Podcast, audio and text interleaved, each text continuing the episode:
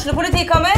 Ine Jansen er purk. Er du purk? The motherfucking bitch. Alt jeg vil, er å finne ut hva som skjedde med mannen min. Jon Carew. Er jeg sikta for noe? Iben Akeli. Det er du. Ole So, Lars Berrum og Big Daddy Karsten. Hvem sin side er du på, egentlig? Anette Hoff, Tone Danielsen, Kommer du fra Afrika? Jørnis Josef, Nesten. Kløfta. Trond Espen Seim, Det er synd å si det, men det var feil mann som døde. Purk. Premiere tirsdag på TV2 Play. Ungsamtalen fra DNB er økonomisk veiledning tilpasset deg som er ung.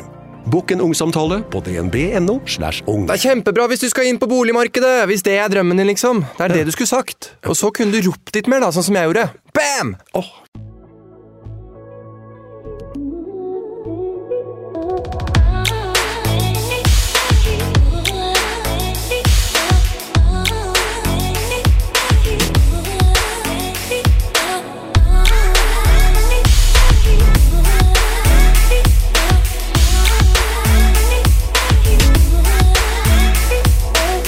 Tim slår meg som en litt stille fyr som kan gå litt i sine egne tanker. Førsteinntrykket mitt er at han er en stor mann, som kan virke litt sjenert. Derimot har jeg sett ham på livesendinger på for eksempel TikTok, og der virker han selvsikker, og han eh, kødder mye.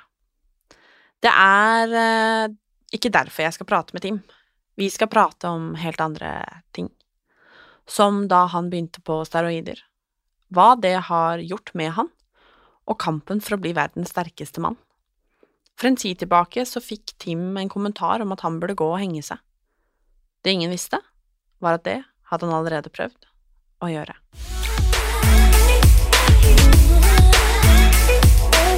Jeg er veldig nysgjerrig på hvem du var når du var liten, og hva som har gjort deg til den du ble, og den du er i dag. Ja, det, det er ikke godt å si. Eh, Jeg blei jo eh, misbrukt da jeg var liten, eh, og mye av det har vel gjort at jeg har blitt en litt sånn inneslutta person. Jeg turte aldri å si fra om det før i voksen alder. Eh, Men min søster eh, og kusine har sagt ifra om det, og vært mye i rettssaker og sånne ting. Så, så jeg var veldig redd for å bli mobba for det, da. Jeg blei jo ikke mobba selv på skolen, men jeg så jo folk som blei mobba. Eh, Så jeg var veldig redd for å bli det. Og så, når jeg vokste opp, så var jeg bare en tynn, liten gutt som Jeg var alltid sterkest i klassen og sånne ting for det, selv om jeg var ganske liten. Og jeg hadde mye venner og sånn, eh, og glemte egentlig det som skjedde når jeg var mindre. Det bare ja, tenkte lite på det. Jeg sånn, jeg var litt mørkredd og sånn, og det er jo fremdeles. Eh, og sleit ganske mye med å sove, eh, men utenom det så var jeg nok ganske vanlig sånn sett. Så når ungdomsskolen kom og begynte å Kanskje noen hadde begynt å trene og begynte å bli litt sterkere enn meg, da skulle jeg også begynne å trene. Så jeg tok vel nærmere 100 kilo i benkpress når jeg var eh, 13 år.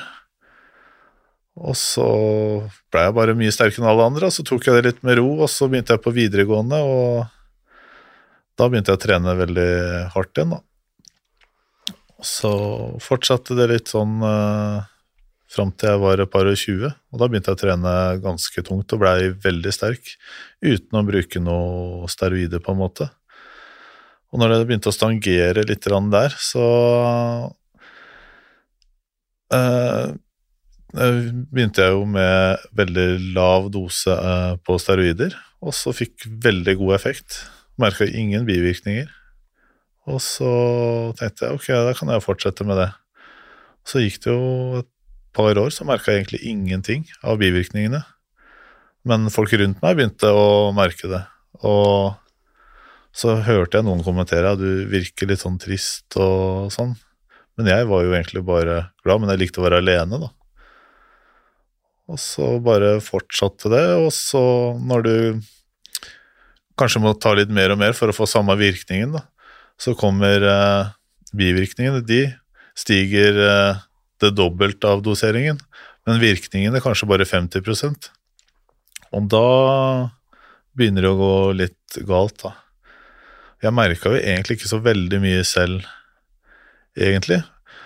Og så begynte jeg liksom å Ja, med barndommen og sånne ting, og så blei det litt sånn Ja, mye følelser og sånn, og så har jeg egentlig ikke merka så veldig mye selv, men jeg har jo hørt at det har vært litt inneslutta og forandra meg, på en måte, da. Hvordan gikk det fra bare trening og være sterk til å liksom ta det valget om å skulle bli enda sterkere og begynne på steroider? Jeg var ikke så opptatt av utseendet mitt eh, sånn sett. Det er alltid styrke, og jeg har alltid drømt om å bli Norges sterkeste. Eh, og når jeg begynte å konkurrere der, eller jeg dro og så på Norges sterkeste i 2011 først, og så oi, jeg er faktisk sterkere enn noen av de som deltar der allerede. Og da neste år så bestemte jeg meg for å bli med. Men da skjønte jeg det at hvis jeg skulle bli enda sterkere, hadde jeg lyst til å vinne første gangen. Eh, og da begynte jeg jo eh, å øke litt. Rann. Og på første Norges sterkeste mann så er det seks øvelser hvor jeg leda eh, fram til siste øvelse. Hvor det var steinløft som jeg ikke hadde prøvd før fordi jeg ikke kjente noen eller noen ting. Så da mista jeg litt poeng, så jeg kom på tredjeplass eh, første året. Og da tenkte jeg at eh, neste år, da skal jeg virkelig vinne. For folk hadde jo forventninger til det også, bare jeg trente litt stein, på en måte. Men andre utøvere så jo også at jeg blei ganske sterk, da, og så begynte de å trene igjen, og så kom jeg på andreplass neste år. Og da måtte jeg jo bli enda bedre igjen. Og da økte jo doseringer og treningsmengde og hvile. Jeg tenkte jo egentlig 99% av dagen min gikk jo på Tankegangen gikk jo på trening og vinne Norges sterkeste. Og så, når jeg deltok neste år da, så leda jeg også fram til uh, siste øvelse. Så er det markløft for repetisjoner, så fikk jeg beskjed hvis jeg tar ti repetisjoner, så vinner jeg Norges sterkeste. Og så gjorde jeg det, uh, og så hadde dommeren feilberegna poeng, så da kom jeg på andreplass. Og da var det ganske stor sånn skuffelse. Jeg visste jeg kunne tatt mange repetisjoner til, men jeg bare stoppa da fordi jeg hadde en liten skade og jeg skulle på Europas sterkeste.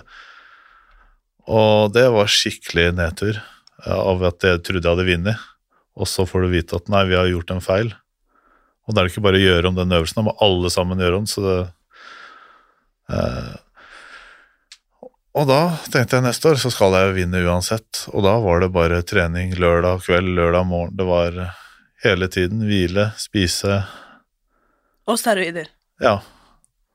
Hadde du noen gang liksom Tenkte du noen gang at nå må jeg stoppe? Ja. Ja. Jeg skulle vinne Norges sterkeste først. Ja. Så du Og på den tiden så merka du ikke egentlig så mye til bivirkningene selv? Jo, eh, litt søvn og eh, Ja, altså, jeg blei jo mer sånn eh, Kunne ikke gjøre det, for jeg måtte gjøre det, og jeg merka jo at tankegangen blei jo styrt litt. Men jeg følte ikke at det, det var så stort, da, før mange år etterpå. Kanskje bare de siste månedene har jeg liksom skjønt mer. Eh, og 2015 så, så, vant jeg jo, og da la jeg jo egentlig opp. Jeg begynte med MMA, så gikk jeg der en stund. Og så var ikke det helt for meg. Og så så gikk jeg jo, begynte jeg med strongman igjen, og så, så fikk jeg en del mer skader og sånne ting, og så så var det steroider i, i to år til, da. Og etter det så bare nei, nå Da var det i 2017, var det vel, hvor jeg slutta. Og hvorfor slutta du da? Eh, egentlig på grunn av en skade i hånda. Men, og da begynte jo alderen min å dra på litt, og muskulaturen begynte å bli, bli sprø. Og barn, og ja, begynte å se litt andre ting i livet. Og alle pengene jeg tjente, brukte jeg jo på steroider, eh, mat, uh, kun mot trening, da. Så tenkte jeg, jeg har jo barn, liksom, og at de fortjener jo at jeg bruker uh, mer penger på oss, da, på en måte. Mm. Så så jeg vet jo ikke, hvis jeg ikke hadde skadet meg, hva jeg hadde gjort. Men uh, jeg tror jeg hadde stoppa ikke så lenge etter. Angrer du? Det, det er mange som spør om det, og jeg vet ikke, jeg har opplevd så vanvittig mye. Jeg har vært rundt hele verden og konkurrert, jeg har levd av det jeg drømte om. Men eh, jeg har jo mm, fått psykisk eh, skade, da. Og sånn jeg ser det nå, så føler jeg at eh, ting har blitt veldig mye bedre bare jeg har kommet ut med ting. Hadde du spurt meg for to år siden, så hadde jeg sagt at jeg angra, tror jeg. Men nå angrer du ikke på grunn av erfaringa det har gitt deg? Ja, men jeg vet jo hvis ungdommer skal gjøre det samme som jeg gjorde, så får de ikke til det, den reisen og det jeg har gjort rundt i verden, uansett hva de gjør nå, da, fordi alt har endra seg. Mm. Men jeg lurer Du øh, slår meg jo også Du nevnte jo at du er en ganske egentlig stille fyr. Litt Ja. sånn øh, inneslutta, egentlig. Og det får jeg litt sånn inntrykk av også, øh, samtidig som du er veldig åpen og deler. Um, og du hadde jo åpenbart eh, opplevd mye tøft i barndommen. Tror du at valgene dine når det kommer til å liksom bli han store, sterke Eller sterke Tim, da, vi kan jo si det som det er. Um, at det ble en flukt fra det på noen som helst måte. Ja, jeg vet jo ikke svaret på det, men jeg tror de aller fleste som begynner på steroider eller narkotika eller ja, sånn spiseforstyrrelse, at det, det ligger jo noe bak det før det, da. Og jeg følte jo egentlig ikke det, men eh, når noen har gjort noe mot deg, du har ikke makt, du har ikke styrke nok til å ta igjen, da. Eh, og det også har jo slått meg, men jeg har aldri tenkt det, på en måte. Men du styrer jo ikke tanker og hva du gjør til enhver tid, da. Så, så det kan jo ha noe med det å gjøre. Men jeg tror nok jeg ville blitt glad i å trene uansett. Mm. Men om jeg hadde brukt steroider, eller kanskje de mengdene, det vet jeg jo ikke, men uh, Så man kan jo angre på at uh, man har brukt steroider. Jeg har jo ikke fått noe indre problemer. Og jeg kjenner jo mange som har dødd av hjerteinfarkt og sliter med ja, nyrer og sånne ting. Mm. Men jeg vet jo ikke hva som kommer. Men jeg har jo For det kan jo fortsatt komme. Ja, jeg, jeg går jo også til eh, sånn ja, å sjekke hjertet mitt og sånne ting. Jeg skulle faktisk vært der i, i dag, stemmer det. Eh, og da eh, sier jo han at det ikke er noe galt som har kommet ut ifra steroider, men at hjertet mitt har blitt litt større. Men det kommer også av kondisjon og styrketrening, selv om man ikke bruker det, da. Mm. Så han også kan jo ikke fastslå hvor, ak- 100 hvorfor det har skjedd, da. Men Mm. Men jeg er litt nysgjerrig, og jeg syns det er vanskelig å snakke om eh, Snakke om steroider på den måten her, fordi at uh, man er jo egentlig livredd for at noen skal bli kine på det, Ja. ikke sant? Um, og det antar jeg at du også er, at man er litt sånn redde for å på en måte inspirere på feil måte. For vi sitter jo egentlig her og snakker om steroider fordi at vi vil at folk skal bli dritredde og ikke ta det, på en måte. ja. Men jeg er allikevel så nysgjerrig på hvordan det føles å ta steroider. Hvordan det oppleves, altså sånn når du tar det Du, er, du begynte på det når du var 24 år, var det det du sa? Ja, noe rundt der. Ja. Jeg husker ikke helt. eksakt. Hvordan det har føltes Hvordan Altså Hvordan det rett og slett fungerer, liksom. Hvordan har det vært for deg?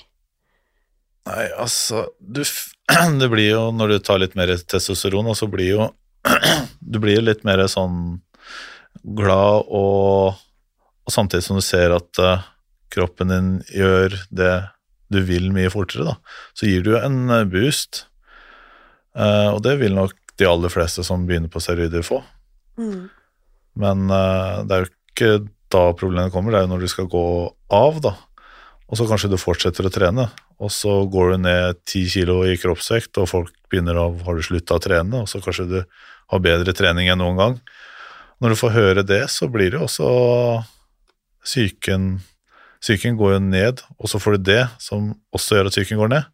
Så bare faen, nå kan jeg ikke ha pause mer, så koster jo Eller når jeg brukte det, så kosta det veldig lite, for da var det jo lov i Norge. Så det var jo nesten billigere enn kosttilskudd på den tiden der. Og da skjønner jeg at mange tøy til det, men det er jo, alle får bivirkninger. men det er bare et tidsspørsmål når de kommer. Og noen får de mye fortere enn andre. Og det er jo flere profiler på TikTok som sier at de bruker det, og de merker ingen bivirkninger. Og det er jo bare et tidsspørsmål før det kommer. Hva tenker du om det, de som litt romantiserer bruken av det? Nei, altså, de er jo bare ærlige. Eh, mest sannsynlig. Jeg vet Man må jo velge å tro på det, på en måte, men eh, eh, om de fortsetter å holde kontoen sin gående, og så blir det jo litt interessant for min del å følge med hva skjer om to år. Mm. Eh, og hvis den fortsatt har det like lykkelig, så vil jeg mest sannsynlig tro at denne personen ikke er ærlig, da. Mm. Fordi jeg kjenner ingen som ikke har fått bivirkning av det på en eller annen måte. Jeg vet at du også på veien her ble lagt inn på DPS. Ja. Og det også veit jeg jo ikke om kommer kun fra Saride, på en måte, for jeg var jo ganske mye i media eh, Det her var et par dager etter Europas sterkeste, eh, hvor jeg kom på andreplass, og bare følte at alle bare forventa at jeg skulle bli enda bedre, bedre, bedre, og jeg var så sliten. Jeg hadde ikke lyst til å trene, jeg bare dro på konkurranser bare fordi jeg følte at folk forventa å se meg der, da. Og så bare Jeg orka ingenting. Jeg dro på trening og jobba og ikke noe annet. Jeg hadde ikke lyst til å dra på jobb, jeg hadde ikke lyst til å trene. Så da bare valgte jeg å si at eh, jeg er helt utslitt, og så dro jeg bare på legevakta på kvelden, og så snakka jeg bare med legevakta, og så ble jeg sendt videre til en sånn ja, akuttmottak eller noe sånt, og så følte ikke de at det var noe fare for noen ting, men ja, når jeg fortalte hva jeg har gjort og sånn, så valgte de å ta meg inn dagen etter, da. Mm. Eller ja, det var kanskje midt på natta jeg fikk et rom, og ja. Mm. Hvordan var det? Det var flaut. Jeg sa det ikke til noen, det var kun familien som visste det, da. Eh, men jeg hadde jo lest litt om det før jeg eh, eh, dro dit, og det var mange som sa at det var um, et bra sted å være. Men da jeg kom dit, så var det jeg, og så var det en annen gutt som var veldig kraftig. Og resten var uh, egentlig tynne jenter med piercing overalt i ansiktet, full av tatoveringer. Og så tenkte jeg bare oi, her følte jeg meg ikke helt passa, At jeg passa inn, da. Så på frokosten så var det helt stille. Vi var kanskje 15 stykker.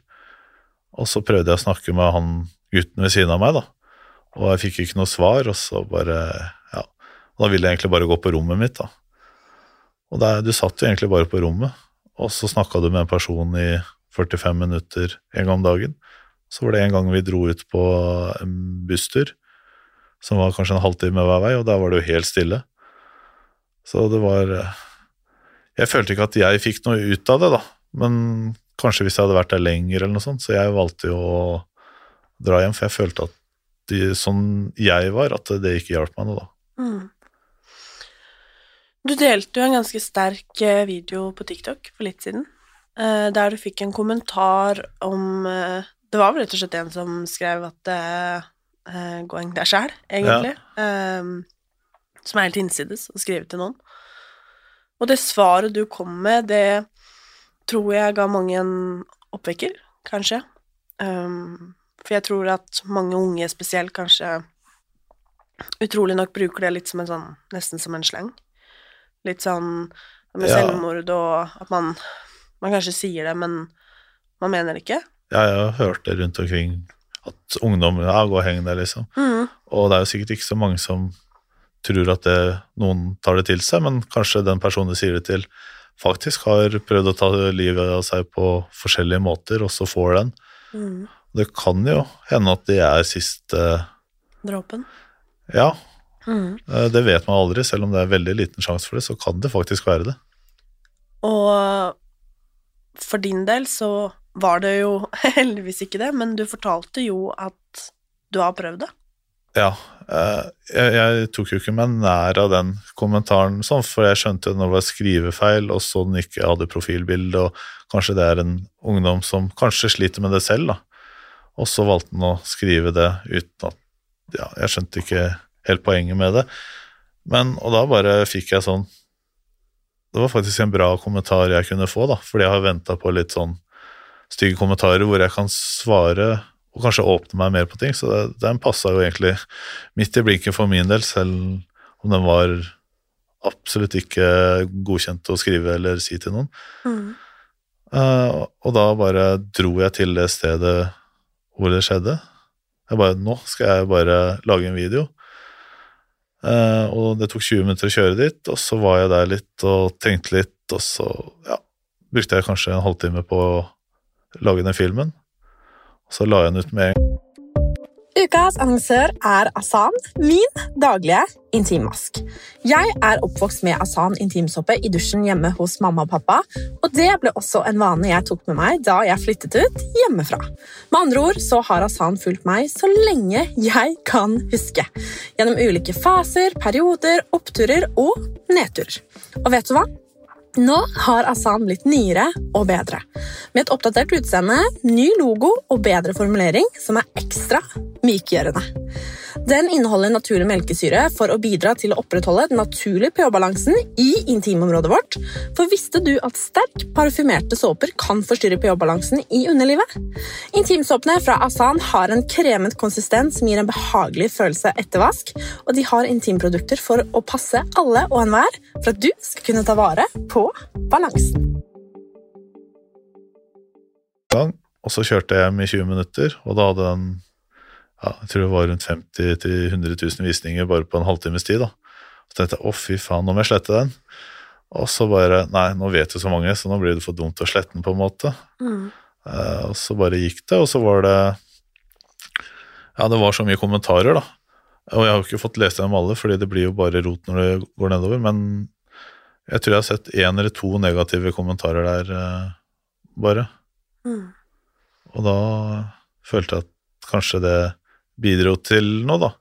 Også at mange av mine venner som jeg ikke har pratet om det, de har jo mest sannsynlig fått med seg det nå, da. Mm. Så det er kanskje min måte å fortelle, fortelle det på, da.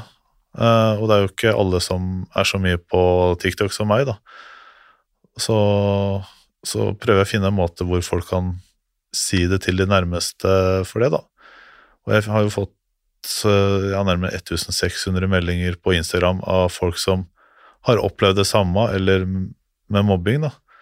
Og da Så jeg prøver å finne en måte å forklare hvordan man skal si fra det på, da, men alle har jo sine utfordringer med å si fra om ting, da. Mm. Men jeg lurer litt på um, hvorfor du ikke ville leve lenger den gangen. Eh, når jeg slutta å konkurrere i 2017, så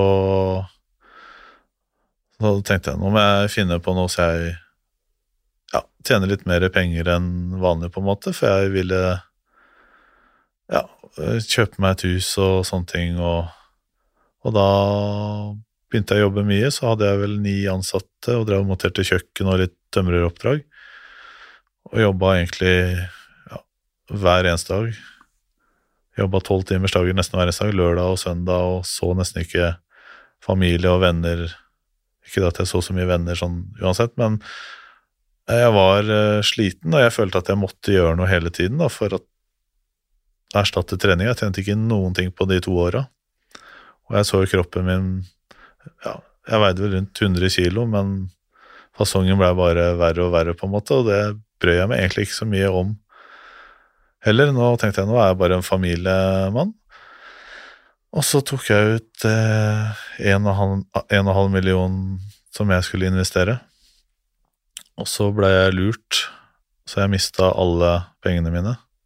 Og når jeg jobba i to år, døgnet rundt, og appåtil hadde ikke den beste psyken fra før av, og ja, følte at jeg ikke hadde noen venner.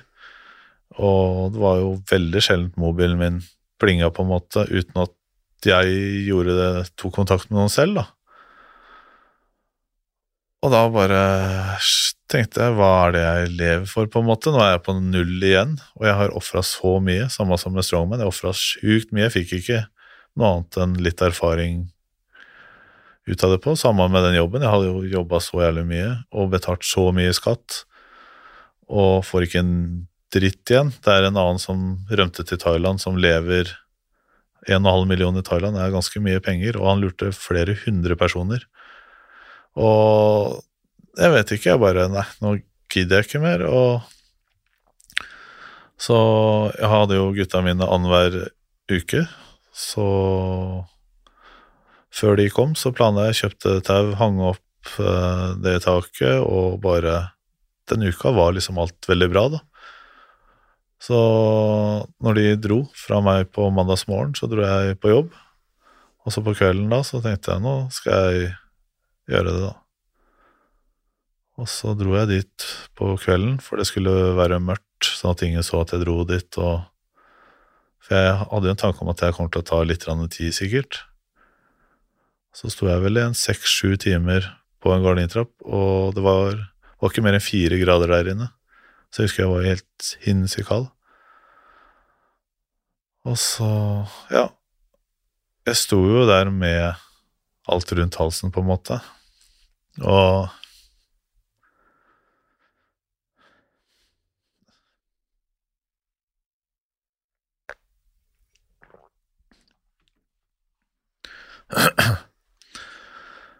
Og da tenkte jeg jo mye på familie og gutta mine, på en måte. Og det er jo litt sånn egoistisk, selv om mange sier det er ikke, det er ikke egoistisk å ta livet ditt, men det er jo kun jeg som skal slippe å ha det vondt, på en måte. Og alle klarer jo å reise seg igjen. Kanskje ikke alle klarer det helt alene, men jeg visste jo jeg hadde jo familie, og hvis jeg fortalte ting, så kunne jeg få hjelp, på en måte. Um, og jeg husker jo ikke Altså, jeg føler bare at de timene bare gikk swish, liksom, og jeg tror jeg dro derfra i firetida på morgenen eller noe sånt. Og ja, så dro jeg bare hjem og sov, og så sov jeg et par timer, så dro jeg på jobb igjen. Og da er det sånn, etter det så har det liksom ikke vært i tankene på en måte engang, da. Hva var det som gjorde For seks-sju timer er jo ganske lenge. Um, hva var det som gjorde at du valgte å dra hjem igjen? Uh, jeg vet altså, Jeg var også sånn redd for at jeg bare kanskje skulle ikke dø, og så bare ligge i en seng i 50 år, på en måte. Det også mm. kom jo i tankene, men Og så så man jo for seg begravelsen, og jeg hadde jo skrevet brev til alle jeg mente jeg trengte å gjøre det til, da. Mm. Og hvorfor eh, og sånne ting. Uh, og det er sånn, jeg satt jo og leste gjennom de breva flere ganger, og jeg var jo egentlig bare glad. Uh, og så til slutt så bare Jeg husker liksom ikke så veldig hva, akkurat hva som gjorde det, men jeg husker jeg bare dro det ned, og så bare kasta jeg alt sammen i en sånn søppelcontainer ikke der det var, men jeg kjørte et annet sted og gjorde det. Mm. Uh, men jeg tror nok hvis det, det, hadde vært en lettere måte å avslutte på, at jeg bare kunne kjøpt en pille og så lagt meg til å sove, så hadde jeg vært død nå. Ja. Jeg er veldig glad for at du ikke dør. Ja, altså Ja, jeg er jo det nå. Hvor lang tid tok det før du var glad for det? Uh, når jeg kjørte hjem. Ja. Eller jeg var sånn flau over meg selv på en måte lite grann, men samtidig så begynte jeg å tenke nå skal jeg bare jobbe på igjen og komme meg opp igjen, da. Mm.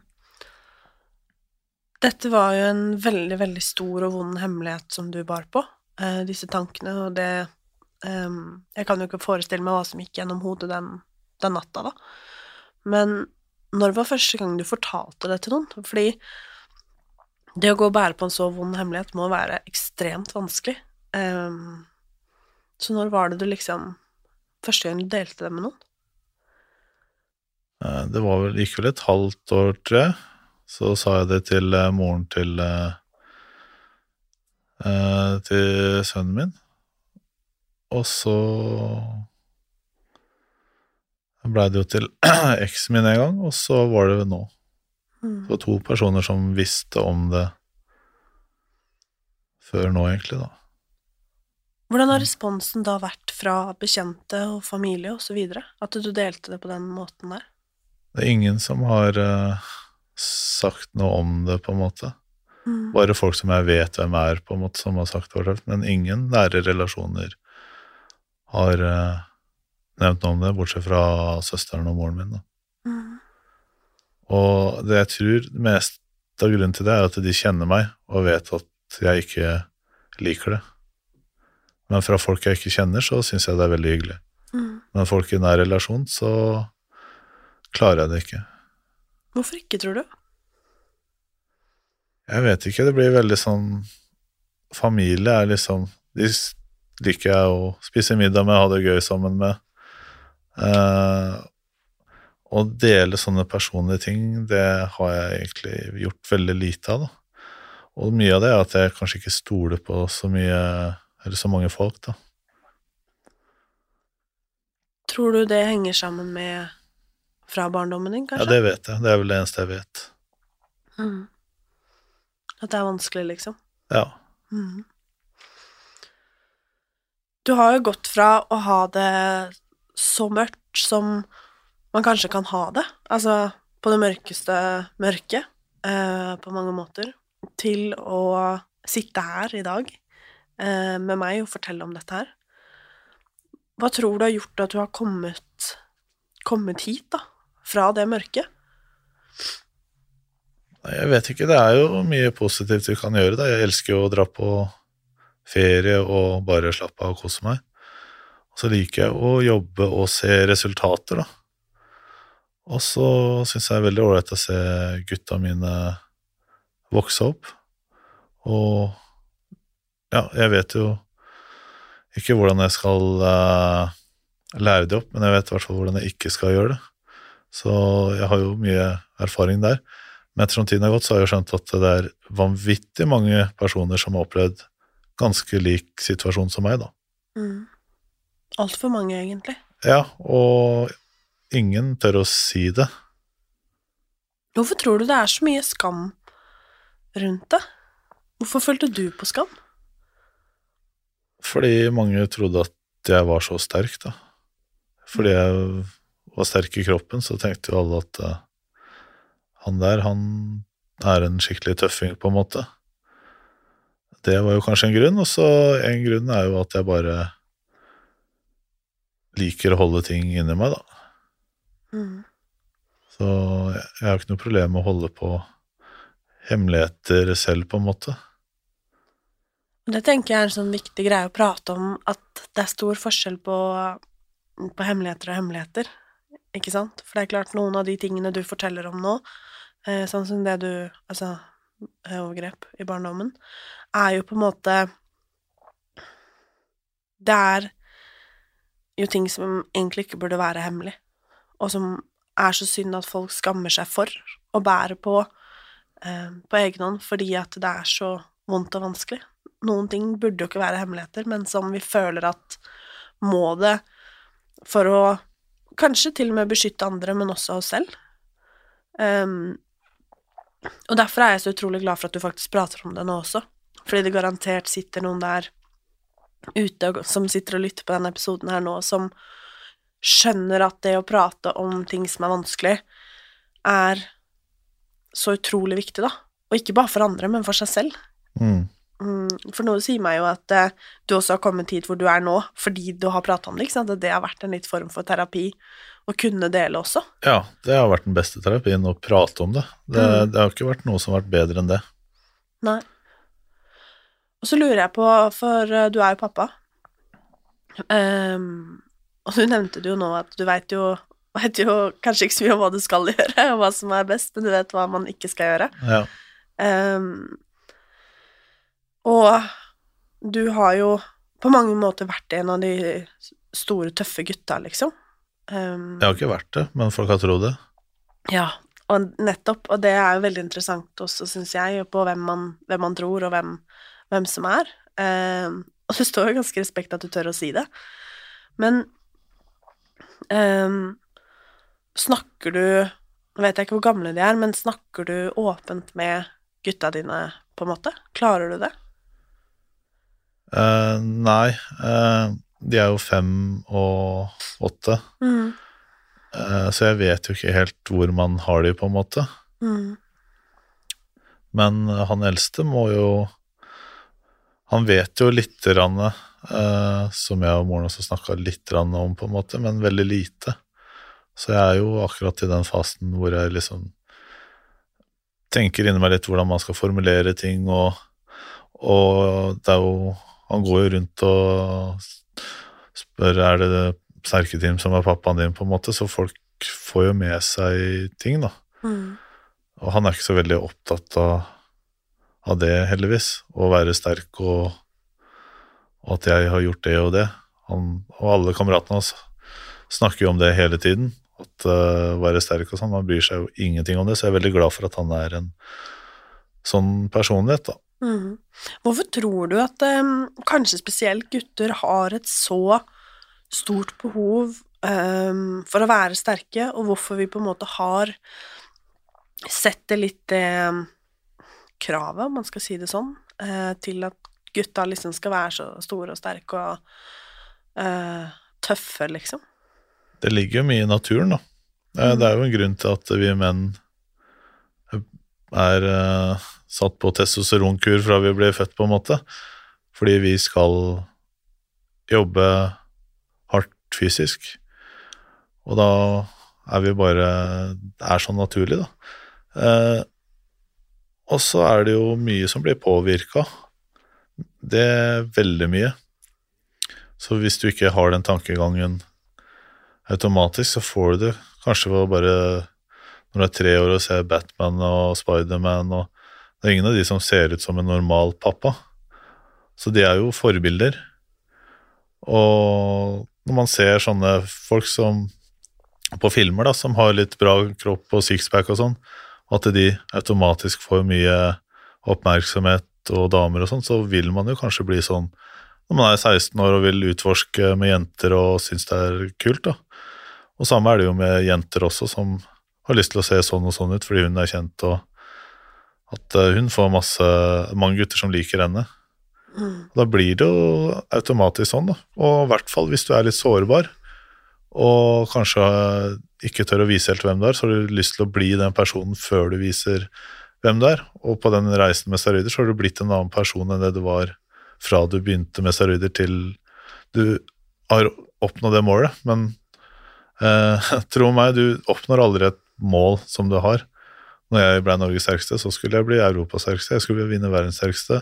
Jeg skulle løfte det. Når jeg løfta det, så skulle jeg løfte det. Så du blir jo aldri fornøyd uansett. Og jeg kjenner jo mange bodybuildere som har vunnet ditt og datt, og de har aldri vært fornøyd. Selv om de har vunnet, så bare ja, men jeg var faen ikke så god form som jeg håpa, og neste år så skal jeg bli bedre form, og da skal jeg vinne med enda mer poeng.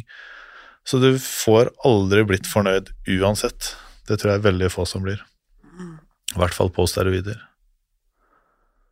Har du noe du vil si til eh, spesielt unge mennesker, og kanskje spesielt unge gutter, som jager et ideal som du nå egentlig avkrefter at i det hele tatt eksisterer? Um, du nevnte det jo litt nå, men altså hva De som nå kanskje sitter og tenker på hvor kan jeg få tak i steroider, hvordan kan jeg oppnå idealkroppen, hvordan kan jeg bli perfekt? Hvordan det kan bli perfekt, er jo å være en eh, god person. Enten du er uh, tynn og liten eller stor og sterk, på en måte, så, så har jo ikke det noe å si for hvordan person du kan være. Eh, og du får veldig mye mer respekt av å være hyggelig mot alle du møter, enn at du er stor og sterk og alle er redd for deg. Da får du kanskje mye respekt, men folk liker deg kanskje ikke, selv om de har respekt for deg. Mm. Og det er mye hyggeligere å få respekt for måten du er på, og at du er en morsom person. Og på steroider så blir de aller fleste en annen person. Så, så jeg anbefaler absolutt ingen å bruke det. Så hvis du er på en uh, kur å høre på nå, så ikke slutt med en gang, men trapp ned. Fordi det verste er når du kutter helt ut.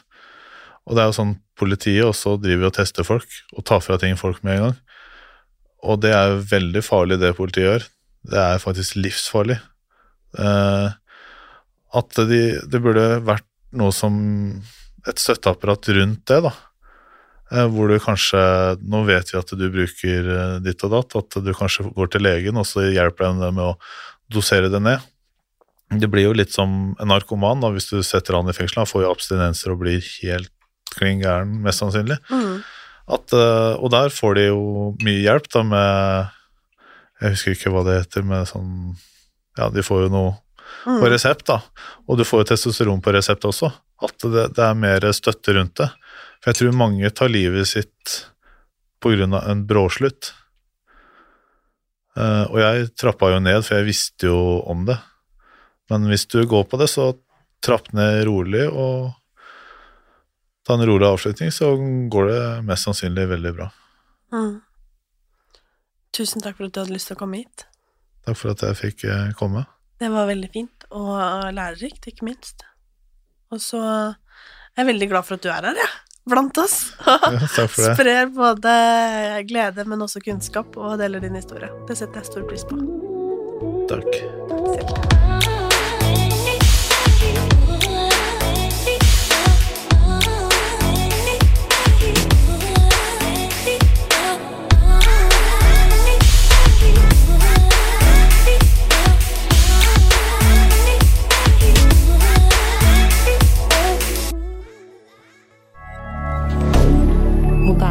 القادة